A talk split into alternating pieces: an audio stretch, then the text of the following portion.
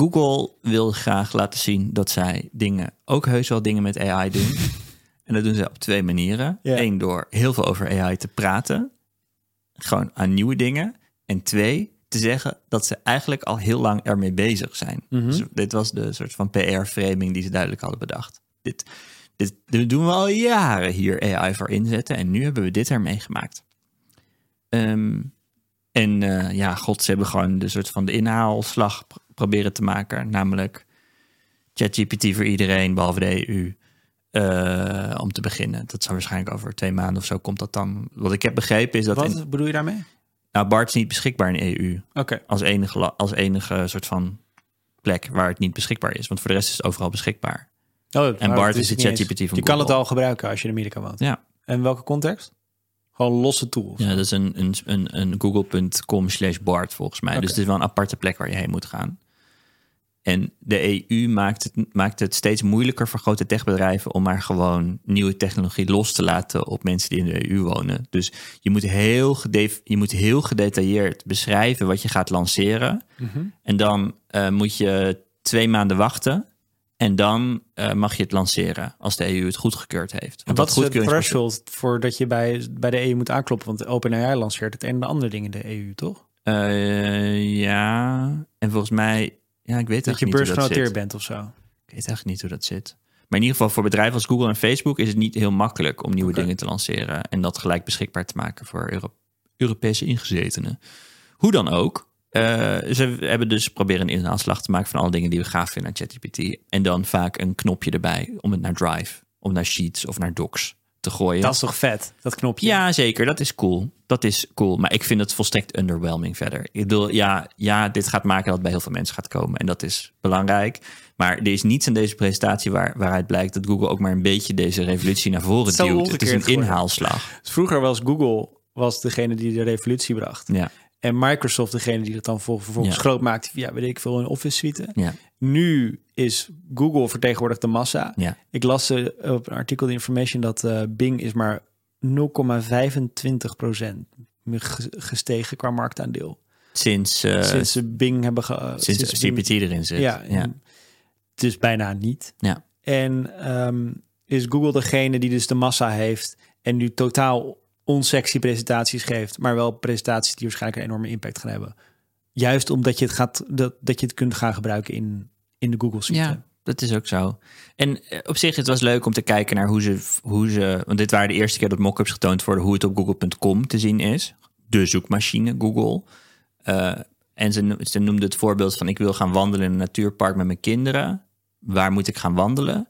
En dan gaat dat ding redeneren op basis van websites die je dan bezoekt. Gaat dit ding redeneren waar je het beste kan gaan wandelen. Als je wilt ook een hond meenemen of zo. En was één park was daar niet geschikt voor. Nou, bla. In ieder geval gewoon een antwoord in plaats van. eh, en wat Google wel aardig doet, is dat je dan kan. De, je krijgt dan zo'n paragraaf tekst van de GPT van Google. En wat ze dan doen is, je kan een, eh een eh, ik vond dat wel mooi, mooier gedaan dan wat Bing doet. In plaats van voetnoten, splitst Google hem op in die alinea op in acht zinnen. Mhm. En dan iedere zin eh, zie je een thumbnail erbij van de website waar die informatie vandaan komt. Dus je kan dan, je kan voor het eerst gaan verifiëren of die informatie erin, die erin staat klopt, wat relevant is, want vaak klopt het niet. En dan kun je zien voor welke bewering welke eh, site daarbij gebruikt wordt. En dan niet zoals Bing saaie voetnootjes met labels onderin waar je nooit op gaat klikken. Maar in ieder geval een beetje geprobeerd dat visueel rijker te maken. Vond dat al wel weer... En screenshots van sites. Ja, volgens mij kleine screenshotjes, ja. Ja, Ah. met, de, met de titel eronder. dat is Ehm, misschien toch nog hoop voor uitgevers.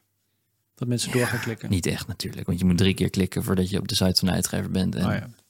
ja. nee. Oké, heu- toch heus- geen hoop. Heus niet.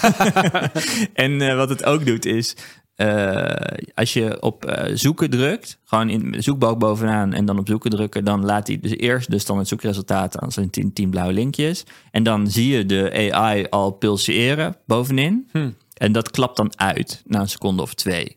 En dan heb je dus het antwoord wat je daadwerkelijk wil op je vraag, namelijk gewoon eh, uitgeschreven tekst. Dit was gewoon de eerste keer dat ik een UI zag voor Google. En het, is, het was best mooi gedaan. Ik vond het heel smaakvol gedaan. En ja, dit wil je gewoon. Dat is heel simpel. Maar je had geen maar het is wel een eh, eerste stap. moment. Nee, precies. Dus qua AI-dingetjes, ja, god. in dan, ja, alle voorspelbare dingen in Drive en in Sheet en in Docs. Namelijk, je hebt informatie in je Gmail staat eh, en je wil er een presentatie van maken. Ja, dat kan.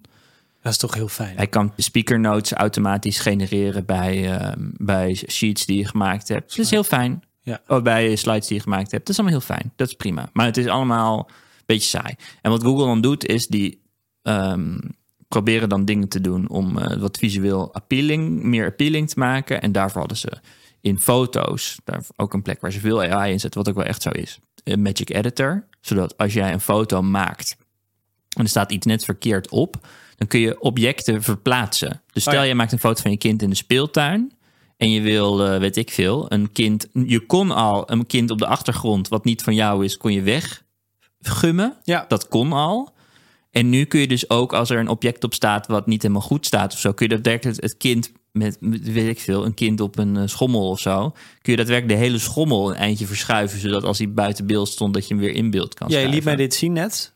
Dat je met een, met een stel ballonnen, dus de ballonnen stonden maar voor de helft op. Ja. En toen schoof hij zo het kind opzij, dus werden alle ballonnen netjes uh, afgemaakt. Ja.